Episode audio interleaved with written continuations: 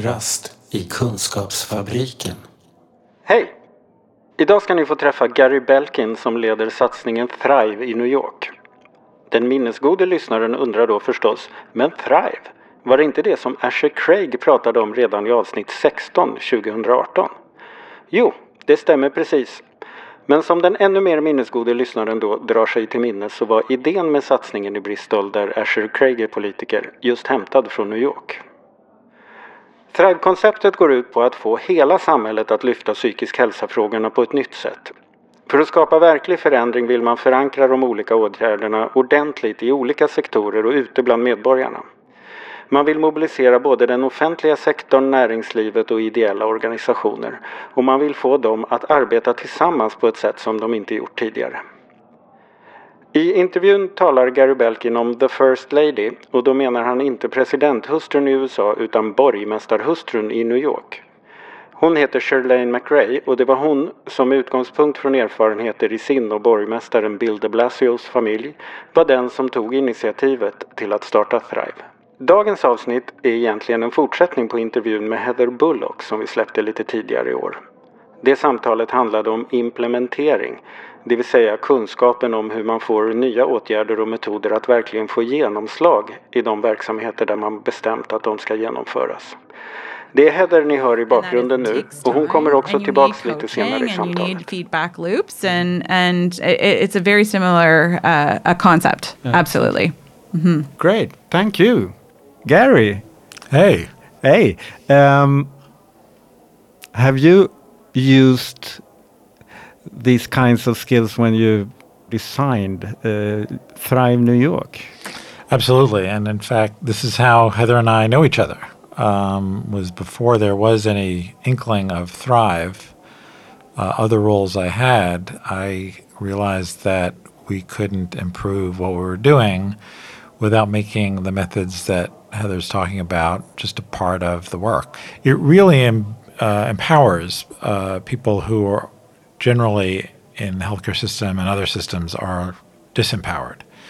Um, and so it values the knowledge that the actual doers of the work, the teachers, the users of services, uh, um, it, it uh, understands that they have very specific knowledge that's really important to be in the mix here. That the yeah. expert, the psychiatrist, that you know whomever doesn't have, and um, so it makes uh, the the act, the work of creating knowledge and testing ideas much more democratized. It really, uh-huh. uh, uh, but not for ideological reasons, because that sounds like a good thing to respect each other and yeah. democratize the knowledge, um, but because it works better also to do that way, to do things that way. Um, and so this whole idea of quality improvement entered healthcare uh, a couple of decades ago because the healthcare system was just so bad at using the evidence that showed what what could be more effective than what yeah. it was using.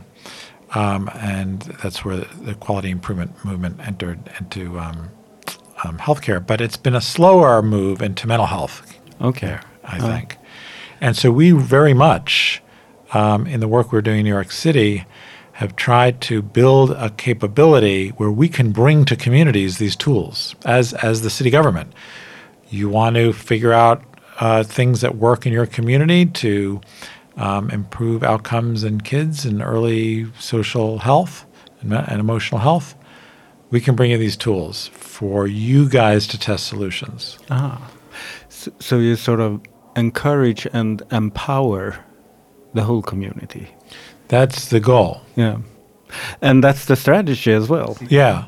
So Thrive is uh, a name that captures a large effort um, by the city of New York to do mental health differently, to um, put out there a different way that local government, city government can take responsibility for mental health. And it's moving beyond, and I, and I, and I use the phrase mental health very, very particularly, and not mental illness, although it's inclusive of making sure that gaps and needs um, are closed that have been open too long for um, people with illness, serious illness, serious mental illness, um, substance use, etc. But it really is cities, localities are more used to working around public health, right? You know, that there aren't epidemics, that uh, you know, addressing uh, issues that affect life expectancy and so forth, um, health and safety, uh, but less equipped um, to take on similar responsibility for mental health. Okay. And so we. Why is that? Do you think? Um, you know, I think a lot of reasons that reflect how stigmatized the field has been, how pigeonholed it is about just some subgroups of of the of seriously mentally ill folks that seem to be the responsibility of government um, to take care of, um, rather than really taking care of and owning the larger the larger issue. yeah. Uh, also acknowledging that people with serious mental illness are often quite functional. And we need to address a way that respects the reality of their lifespan, their fluctuating courses where they may need more intense state supported services, and when um, you know they need other things that people with depression need and people with other conditions need. Yeah. So we have to create a whole uh, menu of things that capture the fullness of how mental illness waxes and wanes and the and, and, and the spectrum of what appears in the population. Otherwise, we're just building one-off solutions that don't talk to each other and together don't sustain each other. So we thought in New York, we have to take this on in whole, challenge ourselves as a city. What is the role of a city, of local government, to build that much broader net of action that takes on mental health in its wholeness? Hela staden ingår i satsningen. Skola, transportväsende, universitet, kriminalvård och polis med flera. En viktig strategi är att man inte ser de här olika sektorerna som utförare av något som några experter på psykisk hälsa har bestämt, utan som experter och som ledare för psykisk hälsa inom sitt område. Um, if we're going to uh, meet mental health where it's most needed to be met, we have to bring all of government to the table. We need to bring the school system, the criminal justice system, other other parts of city government, and um, and so uh, to do that, we are implicitly, but also have to explicitly, recognizing that they are also mental health experts. They are at the front lines of part of the full mosaic of the work we have to do. Did they realize that themselves? Well, that's what that it only works that way. You, ca- um, you can't fool them into the project. right, no? and and what we've found, uh, I think it's fair to say, is that a lot of city agents were hungry for the lid to be let off, for permission to reign, to have a really cross-government conversation about addressing the ways mental health affected so much of the Uh-huh. goals of the city. Okay. Um, and so I think many of these agencies were very ready and struggling alone with um, those sorts of challenges.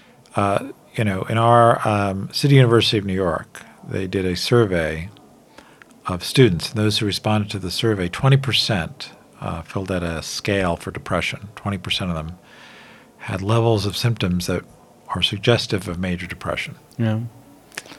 So of course, the city Yeah. university is, you know, You realize that we have ta- to be right. in this. Yeah. um, our uh, jails have become um, psychiatric hospitals. Um, so much of what fills the work and the caseloads of um, of our uh, child welfare and, and support system is intimately related to the fact of mental illness uh, in, a, in a family, in a child, in a parent, addiction, some combination thereof, gener- generational, you know, earlier generational exposure to adversity that now affects parenting, and uh, so agencies who do hard work don't have to be convinced No. that these are important issues. What we haven't had was a way um, to concertedly um, act on them and start helping equip them to be the front lines that they actually are.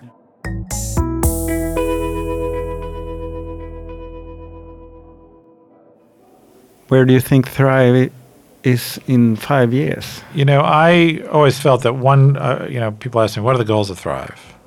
What of my goals at the end of the day of Thrive? And I guess it's that it, it will be hard, if ever, moving forward, to not have mental health be uh, just assumed to be um, a responsibility of city government, of our city government, um, in, a, in, a, in a full way. Um, and um, uh, so that that means that these initiatives uh, we need to show some of their value. Again, it's early on, um, but even more than that, uh, as we do the work, is we're also paying attention to the kinds of things Heather was talking about. What are we learning about the kinds of capabilities, organizational um, redesigns that we bring that keeps this work going um, and uh, keeps um, and really anchors ownership of it um, uh, moving forward. När man tittar på så här stora satsningar är det också intressant att fundera på varifrån de hämtar inspirationen till sina strategier och åtgärder. Ibland satsar man på det senaste senaste som de dyraste konsulterna vill erbjuda. Ibland försöker man återinföra något gammalt som man tyckte fungerade bra förr.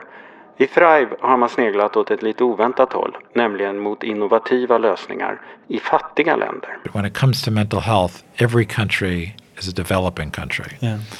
Um, and it's really a level playing field when it comes to um, both doing really stupid things and innovating smart things. And I would actually argue that some of the smarter things being innovated are coming out of low and middle income countries in really reimagining skills that non specialist, non mental health trained people can have and really be used, often better than having specialists do it, um, of ways of really bringing in the community as part of a solution, uh, of creating circumst- social supports that are often cru- crucial for people. Uh, so I think that um, you know we're democratizing the knowledge of mental health, both through the kinds of methods that that Heather mentioned, uh, where again the problem solvers are the people actually doing the work, uh, but also in the sense of where does innovation come from? Um, that it often comes from um, communities that have had less resources and figured out other ways to take care of each other. Yeah. As simple as that. Yeah. Blir det en konflikt mellan forskningens och professionernas nya rön och sådana lösningar som bygger på mångas engagemang och gemensamma kunskap? It's not either or. It's getting how these connect well. Yeah. Um, so some of the things that we've funded through Thrive NYC set up partnerships between behavioral health specialist providers and community-based organizations, but the roles are different. So the part of the role of the behavioral health provider is to coach and support the daycare center or the job training program um, or the domestic violence uh, program uh, who are seeing a lot of trauma, depression, psychosis, substance use um, at levels higher than if you screened in a in a in a you know in a medical practice. Yeah. So we create these partnerships so the behavioral health provider helps support those places to have certain skills to screen for those things to begin with, to provide certain levels of counseling and so forth. Um, and what that means, though, is a really new and exciting role for the behavioral health provider to use their Yeah. knowledge, not just have to see every person, uh, but to help others uh, spread the net of Yeah, things that and are at the same time, I guess a new platform for people on the floor uh, making innovations. right. I Thrive samarbetar man hela tiden med ideella organisationer runt om i staden och de har en väldigt aktiv roll i satsningen. Uh, we had all the community-based organization partners learn a, at least a baseline set of skills: um, how to screen, mental health first aid, um, uh, psychoeducation, how to uh, con- con- convey uh, helpful information to people, Yeah. um, and motivational interviewing, which is a well-known, well-tested uh, kind of method of counseling Yeah. that that has been shown to actually be some of the basic pieces of it can be picked up by non-specialized people with with useful effects and so all of them were trained in this and we had one of these community-based organizations that really took to it so much that they put themselves out in their community to train other cbos Uh-huh. and so it really the, you know they became their own resource center to their to their community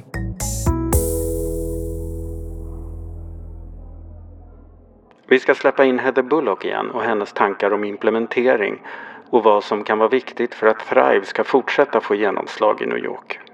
I was thinking uh, a little bit about um, when you're trying to do something that big and you're trying to do something with that many partners, with that many initiatives, with that much money, um, the narrative uh, of the strategy as a whole becomes really important because without it, it really just is a collection of pieces of work that are going on. And I was uh, curious about your reflections on how important because i kind of see if you're talking about the stuff i was talking about earlier gary and his team are the implementation team really Yeah. uh, they're an intermediary But they're very big scale. uh, well and they're Yeah, also yeah. government so Yeah. but they can exist in different places like that uh, depending on the system that you're in um, but i think that with this kind of work the narrative and, and knitting the pieces back together to tell the story as a whole is a really important component of the work. And I think the risk, if someone like Gary leaves, is you know, it has is there enough co-ownership of this narrative that it'll continue on? But just some reflections from you around.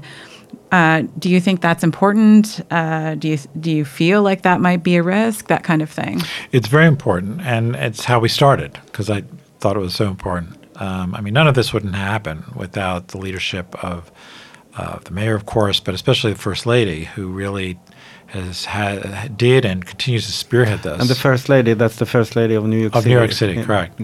Um, both of them have been open, as have their daughter, about their respective struggles around mental health issues. Um, but what they also brought was a sense of how this issue plays out with how they want to govern a city that it's inclusive, that it's participatory, that it addresses these social issues of which mental health is at the center. Um, but um, so they cared about it as well. Um, and there was a real pivotal conversation that I remember um, where uh, the first lady I had met early on in her tenure, um, and I and I had just gotten to the health department, um, and she, she was clearly interested in doing something on mental health, but it wasn't clear that's what she wanted to do.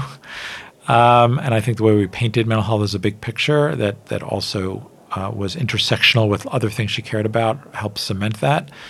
But at one point, she asked me, "So, if I were to take this on, what are what are the five things that we should be funding? What are the you know five priority things we should be funding?" And I said, "Well, I think first you need a strategy. You need a a narrative, if you will, about what we think the problem is, and the key directions that we have to go to solve that problem, and then that will lead you to what you should be investing in." And to her credit, and to the mayor's credit, and and um, the administration, is they bought that advice, which often the tendency, particularly with elected officials, um, is to fund the program or fund the five programs that often don't talk to each other, aren't driven by a logic model, by a general, you know, description of why we think thing what's bad and why it's bad um, and uh, are often you know driven by another kinds of politics of who has speaks the loudest um, to, to, to get to get funded. Um, so to their credit, they went along with that and invested 10 months in a citywide process. We had focus groups, we had town hall meetings, we had convened an expert group, and we came up with a description of what we think is wrong, that it calls for six key new directions, what we call six key principles for action. De sex olika nyckelprinciperna som man jobbar med i Thrive är 1. Ändra kulturen. Psykisk hälsa är en angelägenhet för alla som vi ska prata om. 2. Agera tidigt. New Yorkborna ska ha verktyg och möjligheter att förebygga ohälsa och att hitta hjälp snabbt när de behöver den. 3. Alla ska ha likvärdig tillgång till vård som fungerar för dem, oavsett var i staden de bor. 4. Samarbeta med alla grupper i staden. Ta vara på den kunskap och styrka som finns i lokalsamhället och låt invånarna utveckla lösningar som passar för dem. 5. Skaffa bättre underlag. Samarbeta med alla aktörer och intressenter. Dela och använd information och data på ett bättre sätt. 6. Stärk myndigheternas möjlighet att leda utvecklingen. Förtydliga deras ansvar att samordna och att stödja satsningen. And all the initiatives that we came up with fall within and had to be filtered through a, a meeting the test of exemplifying and advancing and helping us learn more about how to advance each of those key principles. So that has been our our returning base of narrative making and strategic clarity. And we're actually doing a kind of interim review of where we're at and what's been working, what, what needs to be adjusted. Um, but it's always been going back to those six key principles. Yeah. And one test of your question, you know, what if Gary leaves? um, Don't leave Gary. is um, no, is that that has become a common language. Um, okay. Certainly with City Hall and, and, and the leadership, but increasingly of other uh, agencies and other networks, uh, mm-hmm. because that is getting those anchor points, right? And that kind of consensus of how to frame uh, the issue um, is really crucial in a field like mental health that has just been plagued by fragmentation and the lack of clear strategy that's shared among all stakeholders. In my vision, that ownership is with service users and families too. That they they own the narrative really, right? Yeah, so yeah, exactly. how do we get to a point where there's a collective, that true collective ownership of vision? Uh, and the narrative for what's happening in systems that people feel empowered about, that they can speak to, that they're proud of. Uh, and I, we haven't been there in the past in mental health, but in my future state vision, that's, I think, where, you know, and efforts like yours in New York City um, that are trying to touch so many different communities, so many different places and systems, I think there's an opportunity to, to really realize that kind of collective um, story about what you're trying to do and why and and people who are service users or family members or service providers really feeling that they co-own it so we put out public facing documents that, that tell that story and, and we'll likely do more of that but i think uh, the best short answer to your question is how do we make this stick is that we um, implement more locally mm-hmm. um, this is really about at the end of the day neighborhoods communities seeing Thrive work for them, not just see it work for them, but actively join in the sorts of work that you were describing of, of becoming their own uh, uh, testers, setting aims, doing needs uh, evaluations in their own neighborhoods, really owning where Thrive has to work. Mm-hmm and and not just thrive, but we have lots of other resources and assets in our communities to promote mental health. Um, but how they work, and um, that's when it sticks. And we're actually starting to enter that phase of thinking about how do we really make this uh, more of a community-driven implementation, um, uh, because that I think is its future. Great it's so fantastic when you have a podcast that you don't have to run. the guests are running it so good themselves. I think this is, was a very worthy ending. And thank you for coming, Gary and Heather. Thank you for having me. Yes, this was fun. Thank you. Den här podden görs av NSPH, Nationell samverkan för psykisk hälsa. Läs mer på vår hemsida www.nsph.se eller följ oss på Facebook, Kafferast i Kunskapsfabriken.